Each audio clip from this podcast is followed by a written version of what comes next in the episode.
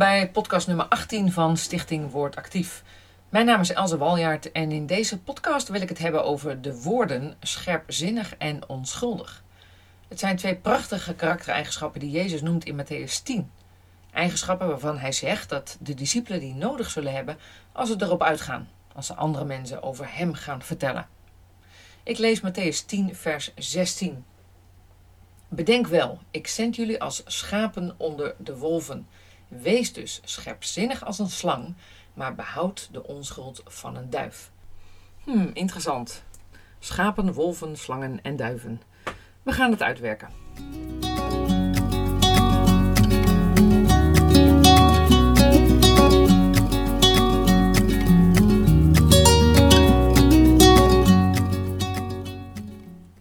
Karaktereigenschappen die Jezus aanbeveelt gaan over het tekstgedeelte voor vers 16 en na vers 16.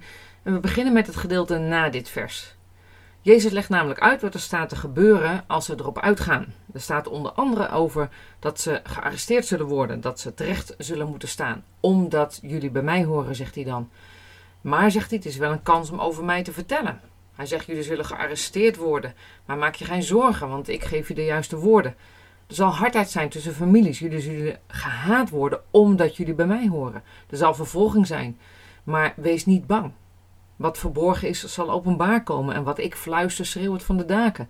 Maak je geen zorgen. Als er een mus valt, dan weet de vader het. Hoeveel te meer ziet hij jou. En ik heb alle haren op je hoofd geteld.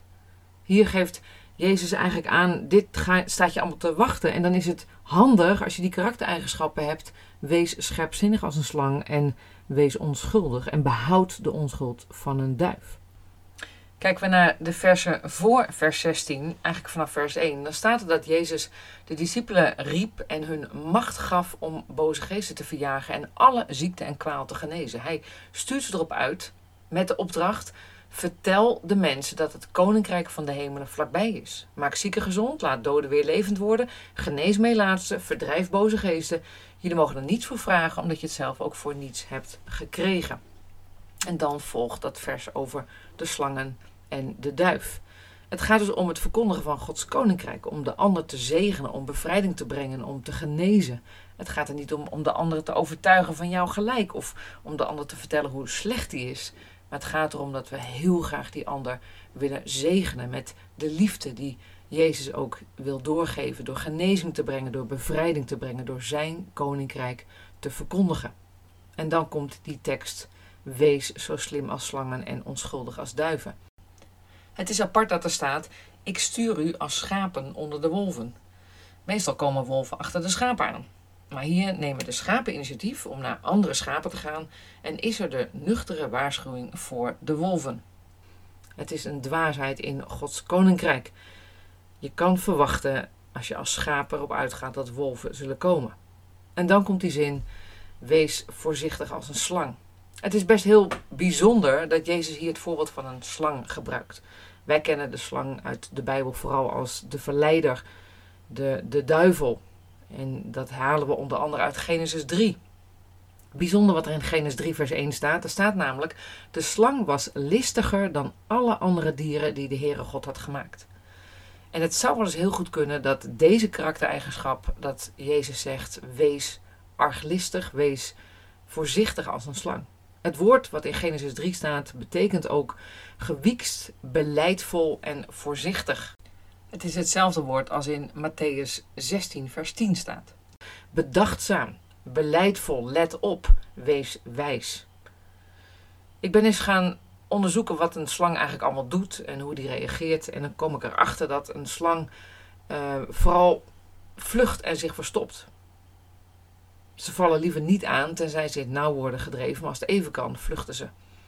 Nou, dat klinkt niet bepaald als een vrijmoedige eigenschap in Gods koninkrijk.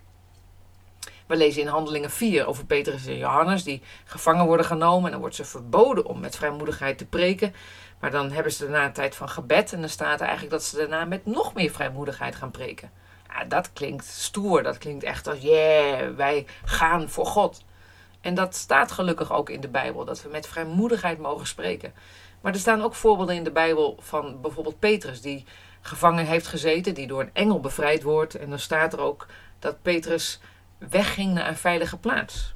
Er staat over Paulus en Barnabas. Toen ze hoorden dat mensen hun wilden stenigen, vluchtten ze voor hun leven. Ook Jezus die vlucht, Jozef en Maria vluchten naar Egypte als Jezus net geboren is. En ook tijdens het, leven, het volwassen leven van Jezus, dan zie je dat er bijvoorbeeld staat in Johannes 10, de menigte wilde hem gevangen nemen, maar hij ontkwam. Kennelijk zijn er momenten om te vluchten en is het op andere momenten beter om vrijmoedig te blijven. Dit is dus die wijsheid waar Jezus over, over praat. Wanneer moet je voorzichtig zijn? Wanneer moet je bedachtzaam zijn en met beleid een beslissing nemen? Het gaat hier dus niet om sluwheid en gewiekstheid om de belasting te ontduiken. Ik hoop dat jullie dat wel begrijpen.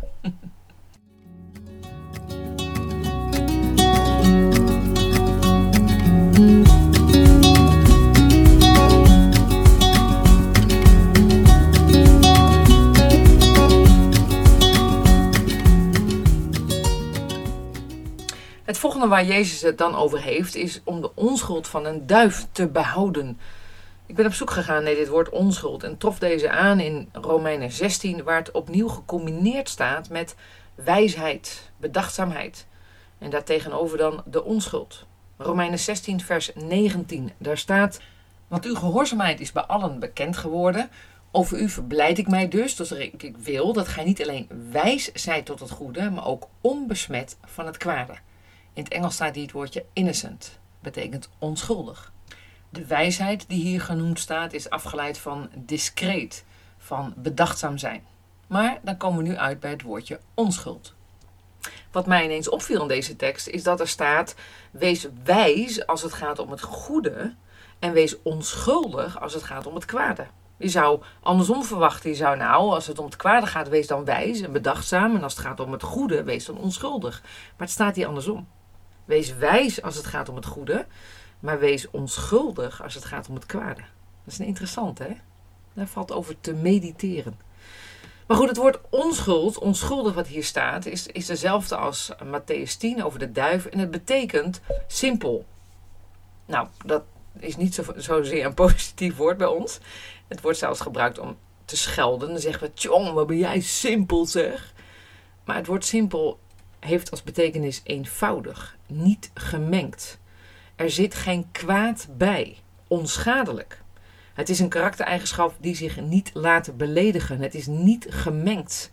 Het is puur. Het is niet besmet met valse motieven en dubbele agenda's.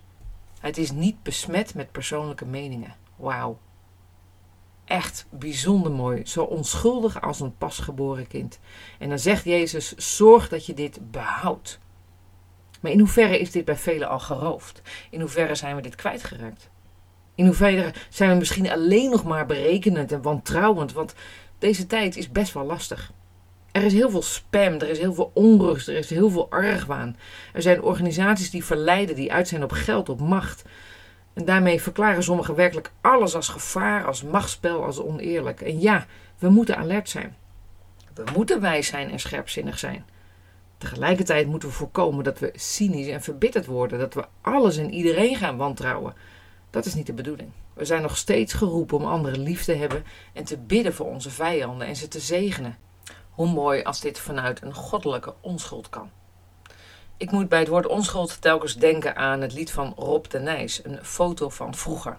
Oud lied, zegt misschien iets over mijn leeftijd, maar een van de coupletten die zegt: toen, als kind, leek alles zo simpel. Geen zorgen, geen twijfel. Van God kwam het goede en het kwaad van de duivel. En de klok aan de muur, die hing daar puur voor het mooie. Ik had alle tijd in de buurt rond te schooien.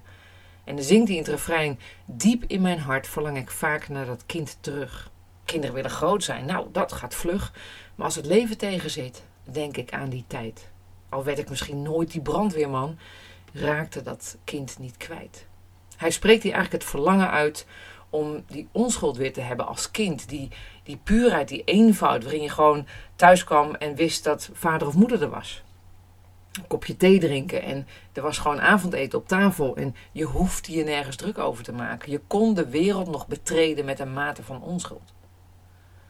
En tegelijkertijd besef ik heel goed dat voor velen die onschuld al heel vroeg geroofd is. Sommigen in de harde betekenis van seksueel misbruik. Anderen door vertrouwen dat beschaamd werd, beloftes die niet werden nagekomen, geweld wat je gezien hebt als kind. Misschien ben je wel uitgescholden en gepest.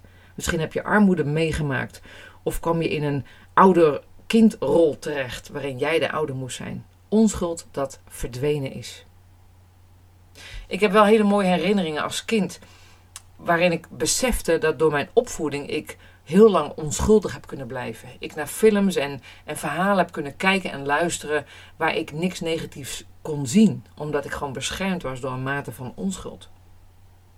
En tegelijkertijd besef ik voor hoeveel dat al heel vroeg geroofd is. En toch geloof ik dat het een kracht is. Jezus zegt het niet voor niets. Het is een paradox die hij eigenlijk ons meegeeft. Om voorzichtig, bedachtzaam en scherpzinnig als een slang te zijn en tegelijkertijd die onschuld te behouden. En misschien is voor sommigen eh, het, het weer leren ontvangen. Het genezing ontvangen om weer die onschuld terug te krijgen. En ik kan je aanbevelen dat je als eerste daarbij bij God de Vader kan zijn. Die is echt te vertrouwen en dat is dé plek om tot genezing en herstel te komen.